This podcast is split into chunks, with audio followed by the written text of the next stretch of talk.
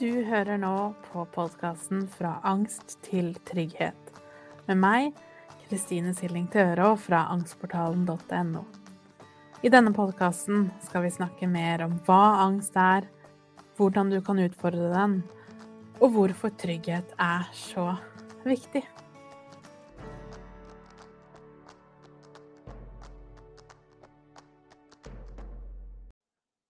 Hei og velkommen til episode 70. Og i dag så skal du få opptak av en livesending som jeg hadde om høytfungerende angst. Og i denne sendingen så snakket jeg om fire ting som du med høytfungerende angst kan kjenne deg igjen i. Og grunnen til at jeg hadde lyst til å legge ut den i podkasten, er fordi at dette her er noe så mange kjenner seg igjen i. Og derfor så vil jeg også dele det her. Så hvis du har noen spørsmål eller har lyst til å være med i programmet mitt om høytfungerende angst, ta kontakt eller se link under.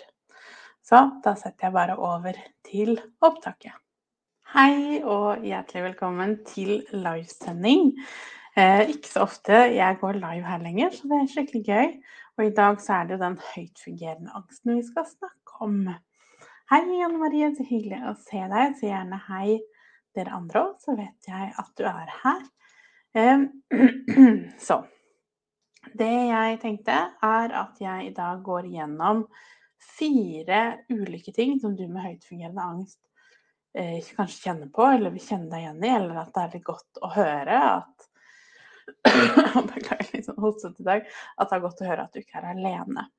Eh, men først skal jeg si litt mer om hva er høytfungerende angst, hvis du er litt sånn usikker på hva er det noe som eh, du kan kjenne deg igjen i, eller ikke? Så er det noen andre som så Hei, hvis du ser på live i en Facebook-gruppe, så ser jeg deg bare som Facebook-user, men hvis du har lyst til at jeg skal se navnet ditt, så finner du en link over videoen du kan eh, klikke på, så ser jeg hvem du er. Hei, Linn, så hyggelig å se deg. Og Steinar her. Hei. Så.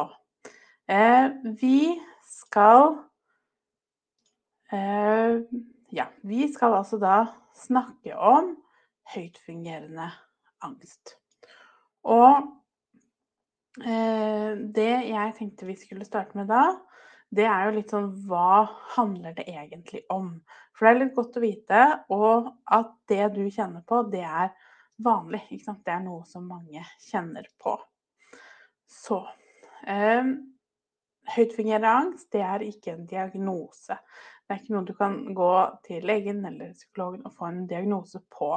Det det heller er, er en slags eh, sekkebetegnelse på ulike typer angst. Eh, ulike typer opplevelser som veldig mange kjenner seg igjen i. Og det som eh, går veldig igjen, da Nå har jeg hatt eh, 14 forskjellige webinar om høytfungerende angst. Og det tilbakemeldingene går veldig på, er jo nettopp at dette her er deg som kanskje føler at du ikke har fått den hjelpen du trenger, fordi du på veldig mange områder er såkalt fungerende. Det er litt sånn dumt ord, men det det handler jo om, er jo at andre ville sagt at du har en, en god fungering, en høy fungering, på mange områder. F.eks. du eh, virker veldig trygg og sikker, eller du er kanskje i jobb, eller utad virker det som at du har livet ditt på stell. Men innvendig er historien en ganske annen. Eh, det er kanskje mye uro, det er mye prestasjonsangst, det er mye greier som vi skal snakke om i dag, som gjør at livet blir vanskeligere enn det trengte å være. Og samtidig så er det vanskelig da, å få hjelp, fordi når eh, for å kunne få hjelp av det offentlige, så må man dessverre veldig ofte være ganske Eller ha ganske mye symptomer og være ganske tydelig eh, syk av angsten. Det gjør at mange med høytfungerende angst opplever å gå til legen og bli avvist. Fordi du virker jo ikke som du har vansker. Det virker ikke som om det er noe som, eh, som du egentlig trenger hjelp med, fordi du tilsynelatende fungerer så godt på alle områder. Og det som er viktig da, er at du selv om du ser trygg og rolig ut på overflaten, så betyr jo ikke det at det ikke stormer innvendig. Og det er det innvendige vi skal jobbe med. Eh, og noe av det som også hører til den høytfungerende angsten, er jo også det at vi ikke klarer å gi slipp på den maska. Sånn at angsten eller den uroen vi kjenner på, blir som en sånn motor som gjør at vi hele tiden må være så flinke. Vi må få til ting, vi må være best, vi må hele tiden vise, til tross for at vi kanskje på innsiden føler oss ganske slitne og urolige og ikke bra i det hele tatt. Hei, Hilde. Så hyggelig å se deg. Og Britt er her. Hyggelig å se deg også. Så det var litt sånn eh, hurtigversjonen av hva høytfungerende angst er. Så det jeg tenkte vi kunne gå igjennom Se at det bare var en skrivefeil. Sånn. Det er fire opplevelser som du med høytfungerende angst kan kjenne deg igjen i. Eh, og som sagt, høytfungerende angst er ikke en diagnose, men heller en, eh, en opplevelse som ganske, ganske mange har. Og jeg tror nok eh, det sies jo ifølge Folkehelseinstituttet at 30 vil oppleve en angstlidelse i løpet av livet. Og det som da er litt skummelt, tenker jeg, med den høytfungerende angsten, er jo at her er mørketallene kjempestore. Fordi vi ikke har angst nok til, liksom, angst nok til å få en, en, en diagnose, og dermed få hjelp. Og Derfor så faller vi gjerne mellom to stoler. Og jeg tenker Jo mer vi kan lande i oss selv på at dette her er ekte, og dette her er noe du kan jobbe med og få det bedre med deg selv i, så kan vi måtte gi oss selv den hjelpen som vi burde kanskje hatt for veldig, veldig mange år siden. Så nummer én er jo absolutt at andre beskriver deg som trygg, rolig og høytfungerende. Og Det er derfor det kalles høytfungerende angst. Fordi at det er det masken du har, eller det ytre, eh, hvor alle ville beskrevet deg. I hvert fall de fleste rundt deg ville beskrevet deg på den måten. Kanskje mange på jobben eller mange i familien din ville blitt litt sjokkert av å høre at du egentlig er usikker, at du er engstelig, at du er urolig. Um, og da er det selvfølgelig også vanskelig å be om hjelp, og det er vanskelig å ta det opp. Og veldig mange forteller også at bare det å gå til legen, som burde kanskje være det tryggeste stedet vi har når vi har angst, det er noe veldig mange ikke gjør. For nettopp fordi det er en så høy frykt for å bli avvist, eh, avvist eller misforstått, som jo ikke er rart i det hele tatt. Så en litt sånn indre kanskje forvirring, kan vi kalle det. At hvorfor opplever alle at jeg mestrer så mye, og, en ensomhet som ligger i det. Fordi vi blir så utrolig alene innvendig når ingen andre egentlig ser hvordan du egentlig har det. Så til tross for at du kanskje er i jobb, til tross for at du kanskje har mange rundt deg, og familie og venner, så er det allikevel en ganske ensom opplevelse. Fordi det er en sånn eh, opplevelse av å streve hele tiden. Og så føler du deg sjelden eller aldri bra nok. Og igjen, motoren eh, innvendig, den, den, indre uroen, blir jo da som en motor som pusher oss til å få til mer. For å nå mål, for å få til ting på jobben, for å få til alle de tingene vi tenker må til for å ha et, et liv og et familieliv som er velfungerende og som fungerer. Men grunnen til at vi pusher oss så hardt, er jo nettopp fordi helt innerst inne i oss selv er det en sårhet og en opplevelse av at jeg er ikke bra nok, og derfor så må jeg jobbe beinhardt for å bli likt, eller for å bli akseptert, eller for å kanskje komme til mål som alle andre. Og igjen den strevsomheten av å aldri kunne kjenne mestring, eller aldri kunne kjenne at jeg gjorde ting bra nok. Det er ekstremt krevende, og det er selvfølgelig kjempevondt. Og det igjen fører jo til at vi kanskje gjør, tar mange valg, eller gjør mange ting som vi egentlig ikke ønsker å gjøre, eller egentlig ikke kanskje til og med var til det beste for deg, men det blir en gang sånn eh, det som skjer, fordi vi drives av angsten. Vi drives av uroen til å få til, til å mestre, til å være god nok. Og derfor så blir vi igjen mer ensomme innvendig og føler oss mer elendig og slitne. Og igjen henger veldig nøye sammen med nummer tre, du har prestasjonsangst. Så uansett om det handler om bare hva du skal ha på deg, eller om du skal ha et viktig møte på jobben, eller om du er student og skal holde et foredrag, og alle ting som hvor du må prestere, om det er som mamma eller pappa eller andre måter i samfunnet, så blir det et så sterkt indre press at det igjen gjør at vi blir utslitte, vi får mer angst, og igjen vi må kjempe enda mer da, for å, å dekke over. Og igjen ta på oss maska og vise verden at 'jeg får til, jeg er bra nok, jeg, dette klarer jeg'. Mens vi innvendig føler at 'jeg får ikke til noen ting'. Og den, det å føle igjen da, denne tosidigheten, at andre kanskje opplever at du er veldig god til å holde presentasjoner, eller eh, prate på et møte, eller hva det måtte være. Og mens du samtidig innvendig opplever det motsatte. Igjen denne ensomheten og frustrasjonen over at kan jeg ikke bare klare det her? For det ser jo ut som alle andre får det til. Alle andre kan sitte i det møtet og prate helt rolig og fint. Mens for deg så blir du kanskje tørr i munnen og svett i hendene og, og får en angst som hele tiden jager, som gjør at du gruer deg lenge. Og det er kanskje det òg som, som, skiller litt det vi kan kalle kanskje en normal nervøsitet fra en høyt fungerende angst. Det er jo nettopp hva som skjer i etterkant. For ikke bare gruer vi oss lenge i forveien til hver eneste ting hvor vi føler vi må prestere, men så er det også et tankekjør og eh, følelser og masse uro innvendig etterkant. Um, for det mm, noen har kommentert på f.eks.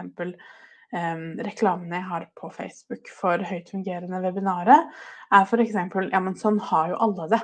Dette her vil jo alle kjenne seg igjen i. Men jeg tenker det er en ganske vesentlig og stor forskjell. Og jeg tror hvis du kjenner deg igjen i det, så ser du at det er en ganske forskjell fra det å være naturlig nervøs for et, kanskje et viktig møte eller noe du skal prestere, og den høytfungerende angsten som gjør at vi både i, forkant, kanskje spesielt i etterkant, jobber beinhardt for å bare holde hodet over vann og for å komme oss igjennom. Og jeg tror eh, igjen det er mye der mye av det vonde i den høytfungerende angsten ligger. Og eh, forresten, glemte å si det, men hvis du har noen spørsmål underveis, skriv i kommentarene, så tar vi det, eh, tar vi det til slutt. Så det fjerde og siste punktet, det er at du har et, et stort vanskelig å si. Du har et stort kontrollbehov som betyr behov for å f.eks. være med i alle avgjørelser. Vansker for å delegere, eller vansker for å la andre hjelpe deg, enten om det er hjemme, eller det er på jobb, eller i andre settinger. En følelse av at du er den som måtte, står på toppen av fjellet og er den som må ha kontroll over alt. Og det er vanskelig å slappe av før alt er gjort det er vanskelig å be om hjelp, eller det er vanskelig å motta hjelp, selv om du kanskje har andre rundt deg som sier gang på gang på gang at 'jeg kan hjelpe deg', 'dette her kan jeg gjøre', ja, men du må jo bare si ifra.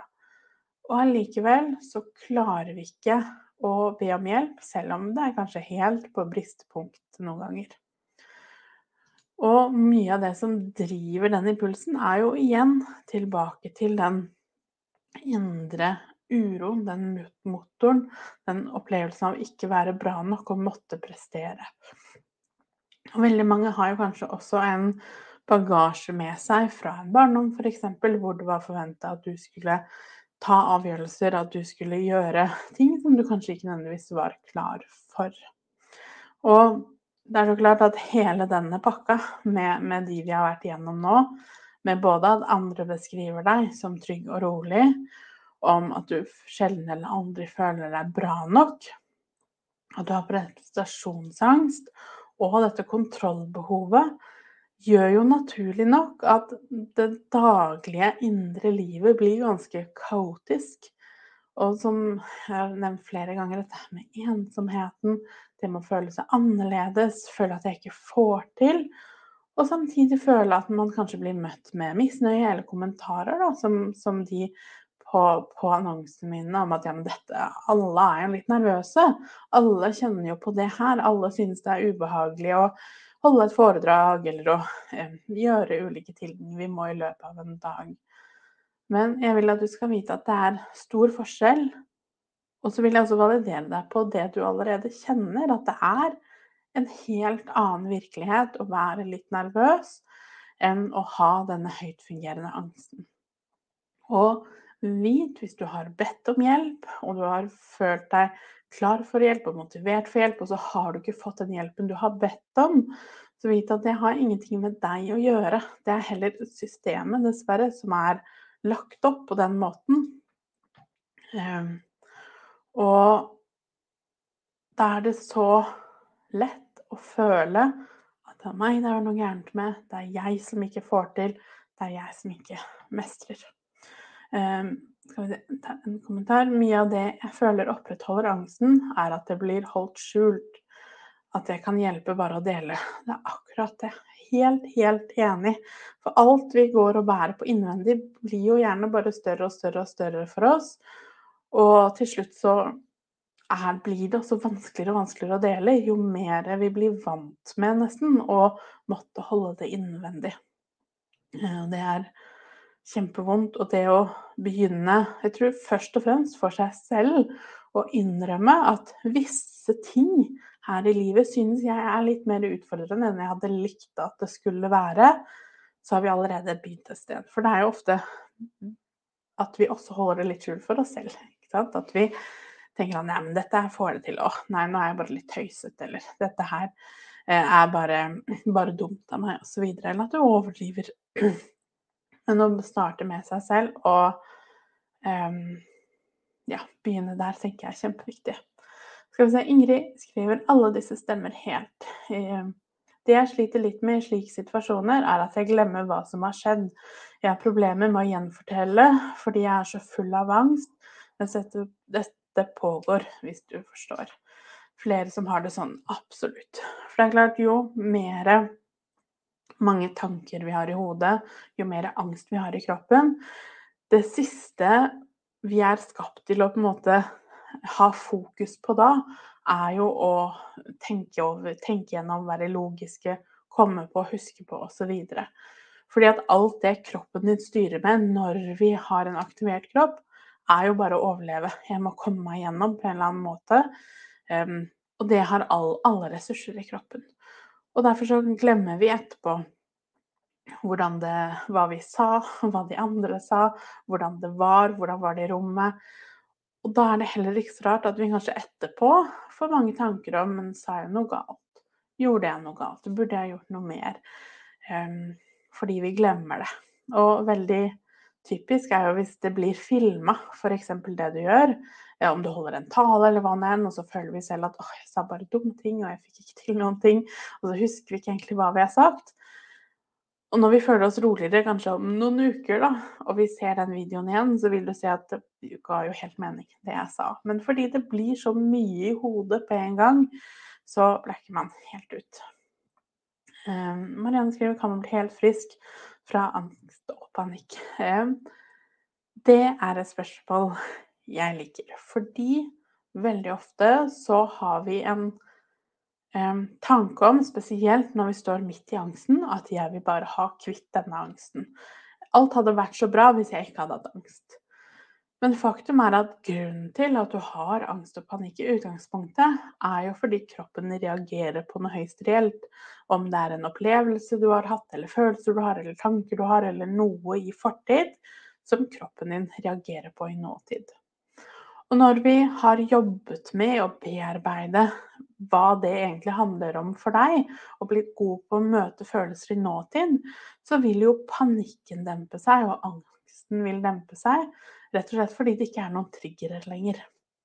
Men angsten i seg selv er jo en viktig overlevelsesstrategi vi har, så den må vi jo aldri bli kvitt. Men jeg tenker frisk i den forstand at angsten ikke lenger Eh, ikke lenger gjør at du ikke får til det du vil få til. Um, Marianne spør hvordan kan man gjøre det, da. Den måten jeg gjør det på, er jo den metoden jeg utvikla, som også du kan lese om i, i boka her, er jo trygghetskoden. Dette er med å jobbe med trygghet, jobbe med som jeg sa, fortid, eh, jobbe med følelser, alt dette her. Um, og så skal jeg også nå um, starte med et helt nytt program for deg som har høytfungerende angst, hvor vi skal jobbe over åtte uker sammen i både med moduler, med tema, med, med informasjon, sånn at vi skal slutte å skamme oss og, og, føle oss dårligere for oss selv eller føle oss så alene, men også individuelle samtaler. Så du og jeg skal ha tre samtaler sammen hvor vi legger en god plan, og vi snakker sammen og vi finner ut av hva som ligger bak. Så helt kort fortalt så handler det om å ta tak i det som ligger bak, og øve på å bruke trygghet som virkemiddel for å etter hvert komme deg ut i verden igjen. Veldig kort fortalt. Og litt lengre fortalt kan du lese om i boka. Så kan jeg også legge ut linken til det programmet skal jeg bare finne det om høytfungerende angst. Der er det nå sju av åtte plasser igjen, så det er fortsatt uh, mulighet til å være med på det. Det starter opp Skal vi se, må jeg bare 20-kikke. 9. oktober starter det opp, så det er fortsatt ledige plasser der. Um, og som sagt, der skal vi over åtte uker gå litt i dybden på alt dette her sammen. Um, alle moduler uh, møtes vi live på Zoom for å gå gjennom, så du kan stille spørsmål. Du kan også dele med de andre på gruppa. sånn at igjen, denne følelsen av at dette her gjør vi sammen, og dette her er helt normal opplevelse av, av den verden vi lever i, rett og slett. Og så skal vi møtes fire, tre ganger, vi to, med å snakke igjennom hva dette her betyr for deg, hvilke øvelser kan være lurt for deg, eh, og vise deg litt sånn i praksis hvordan kan vi føle, hvordan kan vi jobbe med den uroen som jo er motoren da, gjennom hele, eh, gjennom hele angsten. For jeg tenker det er det her som er det viktigste av oss, å virkelig ta inn over oss at vi kan føle mange ting på en gang. Vi kan både elske og hate, eh, og vi kan være glade og sure på samme tid. Og vi kan være engstelige og rolige på samme tid. Så selv om aldri så mange sier, hvis du forsøker å dele, eller du forsøker å åpne deg, eller bare generelt, at du ser jo så trygg og rolig ut at du får jo til alt det her, du får til alt du prøver på, så betyr jo ikke det at det samme skjer på innsida. Og jeg tror det er noe av det viktigste vi kan starte med, å åpne opp for oss selv. At du får lov til å ha den erfaringen som du har. De følelsene og tankene og uroen. Og vite at det alltid er der av en grunn. Det er ikke sånn at kroppen din bare finner på masse uro bare for å lage ugagn fordi den syns det er så kult men heller fordi det er en grunn til at kroppen din blir aktivert. Og når vi da skal jobbe med den, så skal vi jobbe med hva handler det egentlig om. Vi skal gå i dybden på hva ligger bak, på følelser, på tanker, på traumer, situasjoner, alt dette her.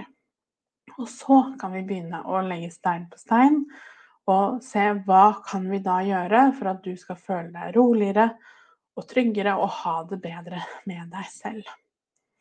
Så det å be om hjelp, viktigste som finnes. Får du nei et sted, går du et annet sted. Har du en fastlege som ikke forstår, eller ønsker å forstå, eller ikke gir deg den hjelpen du trenger, eller, opp, eller at du ikke opplever å bli møtt på en god måte, se deg om etter en ny. Og jeg vet det er lettere sagt enn gjort, men å i hvert fall starte prosessen, så er det i hvert fall litt nærmere. Og hvis du har lyst til å lære mer av meg og snakke med meg i dette åtteukersprogrammet, gå på linken over videoen, og så la jeg den også inn i, i chatten. Som sagt, fortsatt syv av åtte ledige plasser. Er det noe du lurer på, hva nå enn det måtte være, så er det bare å sende meg en mail. Så hvis det er noe du, du syns kanskje det er vanskelig at vi skal ha gruppesamlinger, så vit at dette er ikke noe gruppeterapi eller um, gruppebehandling, men heller at vi bare møtes live som gruppe Jeg snakker igjennom innholdet, du kan stille meg spørsmål. Og hvis du ikke vil eh, si noe, eh, så kan du skrive i chatten. Hvis du ikke vil vise deg, så kan du ta av kamera. Og alle sånne ting må du ikke være redd for å spørre meg om. For her er vi alle med angst, og vi alle har de samme spørsmålene. Og det samme hvis det gjelder økonomiske spørsmål, ta kontakt, så finner vi ut av det. Um, skal vi se, Marianne skriver hva når angst er et symptom på en fysisk nevrologisk sykdom. Da tenker jeg da må du gå til den spesialisten eller til legen din det er snakk om, og få den informasjonen du trenger. For det er helt, helt umulig å si generelt om når jeg ikke vet noe annet. Um, eller ikke er noe ekspert på, på nevrologisk sykdom. Så da må du gå til legen din, snakke om det, Eventuelt be om å bli henvist til noen som kan hjelpe deg med det helt spesifikt.